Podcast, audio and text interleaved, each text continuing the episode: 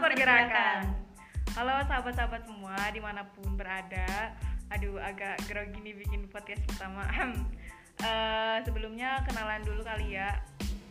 Perkenalkan nama aku Ida Nafatul Aisi dan sahabat tercinta yang menemani aku siapa namanya nih? Lu baik banget, sahabat cinta. Sahabati paling ini Maida. Iya siapa namamu? Humaida Laslamia. Kita nih dari Pergerakan Mahasiswa Islam Indonesia Rayan Pondok Syahadat Fakultas Dakwah dan Komunikasi tentunya UN Sunan Kalijaga nih. Kita berdua lagi ngapain nih Mbak Ida? Ya sebenarnya tuh awalnya sih pengen ngediskusiin soal Sumpah Pemuda nih ya Tapi kayak udah telat soalnya kan ini udah tanggal 29 Tapi nggak apa-apa lah ya semangatnya masih belum hilang Sebelumnya mungkin selamat Hari Sumpah Pemuda buat seluruh generasi muda Indonesia Semoga sampai hari ini kita masih bisa mengadopsi roh perjuangan pemuda dahulu yang punya andil besar dalam menyatukan bangsa Indonesia.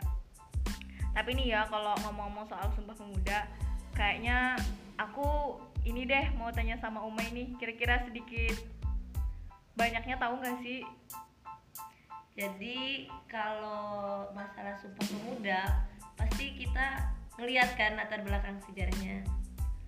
Eh, di tahun 1908 tuh Mbak mulai banyak berdiri organisasi-organisasi kepemudaan kan. Nah, di 1908 ini itu ada namanya Perhimpunan Indonesia yang isinya para mahasiswa Indonesia atau para mahasiswa Hindia yang belajar di Belanda. Terus pas setelah mereka habis belajar di Belanda, mereka pulang ke tanah air dan menyadari sebenarnya penting banget nih persatuan dan kesatuan bangsa. Gitu sih, Mbak. Oh iya, aku jadi ingat. Terus juga selain Perhimpunan Indonesia, sebenarnya tuh ada juga nama organisasi Trikoro Darmo yang itu didirikan oleh salah satu pemuda namanya Satiman. Nah, organisasi Trikoro Darmo ini nih yang eh, akhirnya tuh berubah nama jadi Jong Java. Dan teman-teman kalau ingat nih ya, selepas selepas Jong Java ini akhirnya banyak berdiri Jong-Jong yang lain kayak Jong Minahasa, Jong Batak dan lain-lain pokoknya banyak itu. Nah, seiring berjalannya waktu, akhirnya para pemuda sadar kalau ternyata perjuangan yang mereka lakukan tuh nggak bisa sendiri-sendiri gitu. Mereka harus menghilangkan semangat primordialisme untuk menggalang kesatuan bersama hingga lahirnya Kongres Pemuda Satu pada tahun 1926. Nah, di Kongres Pemuda satu ini Mbak melahirkan gagasan penggunaan bahasa Melayu sebagai bahasa persatuan sebelum bisa membuat tapi eh, di Kongres Pemuda satu ini nggak dapet nih hasil yang maksimal dalam persatuan bangsa.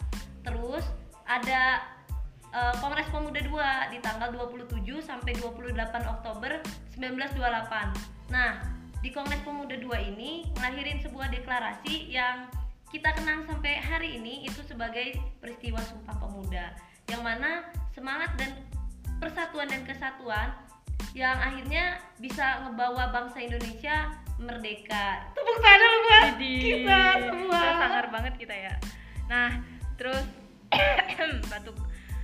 Tadi kan kita bahas-bahas soal sejarah yang ngelatar belakangi terjadinya semua pemuda lah ya meskipun kayak belum lengkap banget baru kulit-kulitnya doang kayak gitu. Tapi aku penasaran aja sih kira-kira sahabat-sahabat hari ini tuh pada ngerayain Sumpah Pemuda pakai cara apa ya Maya? Hmm, iya sih. Eh, kalau sebenarnya banyak hal sih ya Mbak yang bisa kita lakuin untuk ngerayain momentum bersejarah kayak Sumpah Pemuda hari ini. Oh kemarin sorry. Ya termasuk kayak kita gini nih Mbak.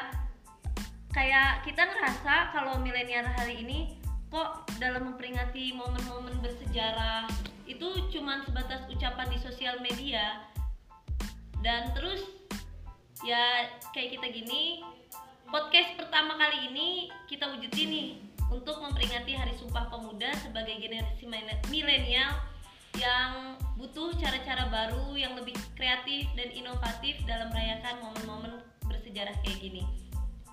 Eh, harapannya juga semoga podcast ini bisa sebagai salah satu media yang bisa mema- man- manifestasikan gagasan, nilai-nilai dan ekspresi kita selaku kader pergerakan mahasiswa Islam Indonesia, Mbak? Wih, keren banget ya. Ya, ya sih bener banget. Soalnya uh, kita tuh emang perlu pakai cara-cara baru lah yang lebih kreatif inovatif. Kayaknya anak-anak pergerakan hari ini tuh juga harusnya mulai bisa nyentuh hal-hal yang begini aktif di sosial media supaya uh, mungkin hal-hal yang di luar ideologi kita yang hari ini ternyata mereka jauh lebih masif tuh bisa kita kalahin dengan kita nyalurin nilai-nilai apa yang ada di organisasi kita lewat sosial media ini.